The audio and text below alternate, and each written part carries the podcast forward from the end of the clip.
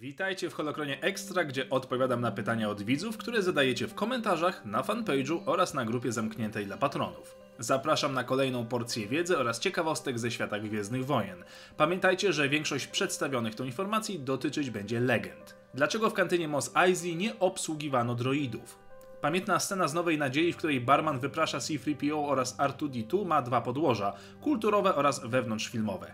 Pierwsze miało wskazywać na problem rasizmu, który był wciąż obecny w życiu Amerykanów w latach 70. i 80. i jego społeczno-polityczne implikacje. Lucas chciał w ten sposób zwrócić uwagę na obecny wciąż problem.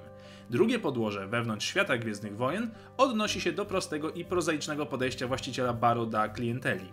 Droidy zajmują miejsce, ale nie jedzą i co najgorsze, nie piją. Nie zostawiają więc pieniędzy. Dlatego ich obecność w kantynie jest zbędna i niemile widziana. To tak jakby zastawiać miejsca w swojej restauracji manekinami. Czy istnieli szturmowcy wrażliwi na moc? Takie jednostki na pewno się zdarzały, choćby z powodu czystej statystyki. Jednakże istniał pewien typ klonów, który był celowo stworzony, by łączyć cechy szturmowców oraz użytkowników mocy. Było to sześć prototypów klonów zwanych klonami Kuis. Ich historia, choć ambitna, była dość krótka, ale to już temat na oddzielny odcinek. Co ciekawe, sam koncept klonów był wzorowany na grafice koncepcyjnej do Nowej Nadziei, w której to szturmowiec trzyma miecz świetlny. Czy w świecie Gwiezdnych Wojen istnieją tradycyjne samochody? Ciekawe pytanie. Osobiście nie mogłem znaleźć żadnej informacji, by kiedykolwiek pojawił się pojazd choćby zbliżony budową do naszego auta, w większości mają one bowiem napęd repulsorowy. Aczkolwiek wiele maszyn ciężkich czy służących w kopalniach poruszało się na stricte mechanicznym napędzie pokroju gąsienic. Niektóre pojazdy bojowe czy służące jako transport także poruszały się na kołach. O samych samochodach jako takich nigdzie jednak informacji nie znalazłem. Kim był Wat Tambor? Wat Tambor to pochodzący z planety Skako i rasy Skakoan przywódca Unii Technokratycznej. Wprowadził ją do Konfederacji Niezależnych Światów w 22 roku przed bitwą o Jawin. Ten ambitny polityk, a z zawodu technik miał dość ciekawą życiową historię. Prócz rządzenia Unią stał również na czele Bactoid Armor Workshop, która zaopatrywała armię Federacji Handlowej głównie w pojazdy naziemne. Był również senatorem w Senacie.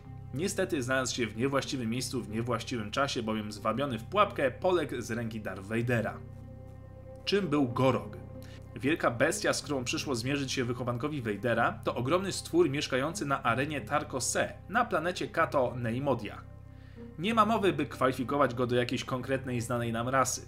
Mimo lekko humanoidalnego kształtu i posiadania dwóch łap z przeciwstawnymi kciukami, posiadał również dwa serca. Na jego ciele i czaszce znajdowały się również metalowe płytki, będące najpewniej łatami po nieudanych próbach chirurgicznych. Stwór sam w sobie był wspomagany systemem sztucznej inteligencji typu Rock Security. W znanej nam historii galaktyki nie było innego przedstawiciela tego gatunku. Co się stało z ciałem Hana Solo? W legendach Han ma się dobrze, w kanonie jednak Solo traci, jak wiemy, życie z rąk własnego syna. Jego martwe ciało spada w mroczną otchłań. Jego śmierć jest jednak pewna. Leia wyczuwa jego zgon poprzez moc. Niedługo potem odbywa się pogrzeb Solo, na którym obecni są jego dawni i nowi przyjaciele. Opis i przebieg ceremonii znajdziecie w nowelizacji filmu Ostatni Jedi autorstwa Jasona Frya. O samym ciele nie wiemy jednak nic więcej, ale najpewniej uległo zniszczeniu wraz z wybuchem stacji jak wiele raz wyginęło za czasów Starej Republiki. Wbrew pozorom nie tak wiele i rzadko za sprawą konkretnych rządów politycznych. Wiązało się to najczęściej z katastrofą naturalną, jak na przykład uderzenie meteorytu, co spotkało rasę Bankora. Republika dała azyl resztce ocalałych z katastrofy, ale z nastaniem imperium rasa ta została zgładzona. Również międzyrasowe wojny doprowadziły do wyniszczenia całych populacji. Przykładowo rasa Porporitów została zniszczona z ręki rasy Ganków na 4800 lat przed rokiem zerowym. W sumie w historii galaktyki w wersji legend wyginęło około 58 plus około 14 nieznanych konkretnie ras. Mowa tu oczywiście o rasach rozumnych. Czy Anakin poniósł jakieś konsekwencje związane z masakrą Tuskenów na Tatooine? Zarówno w filmie, jak i nowelizacji nie ma konkretnej informacji, czy Padme kiedykolwiek powiedziała komuś innemu o sekrecie męża. Nawet Yoda, choć przeczuwał wielki ból Anakina spowodowany śmiercią matki, raczej nie wiedział, co wydarzyło się potem. Skoro więc nikt nie wiedział o czynach Anakina, nie było powodu, by poniósł jakąś karę. Żeby było ciekawiej, w nowelizacji Ataku Klonów Padme wręcz zgadza się z Anakinem, że zasłużyli sobie oni na jego gniew. Jak miło, pani senator, jak miło. Czy byli leworęczni Jedi, czy też Sithowie? Nie ma konkretnej listy znanych nam Jedi czy Sithów, którzy są leworęczni, ale wielu z nich na pewno potrafiło walczyć zarówno prawą, jak i lewą ręką. Anakin, posługujący się dwoma mieczami, radził sobie z tym bez problemu. Podobnie Luke Skywalker podczas walki na Bespin mocno skupia się na lewej stronie, ponieważ Mark Hamill w rzeczywistości jest leworęczny. Exar Kun najpewniej również był leworęczny, Darth Maul również preferował lewą dłoń. Niektóre źródła podają, że Sith jako rasa byli głównie leworęczni. Ich dodatkowa broń zwana Lanwarokiem była przeznaczona właśnie dla leworęcznych. W późniejszym okresie, gdy Sith stał się tytułem, inne rasy zaadaptowały tą broń w praworęcznej wersji. Ilu uczniów miał hrabia Duku? Było ich całkiem sporo, nie zawsze jednak byli uczniami w formie padawanów, bowiem hrabia uczył także samej techniki posługiwania się mieczem.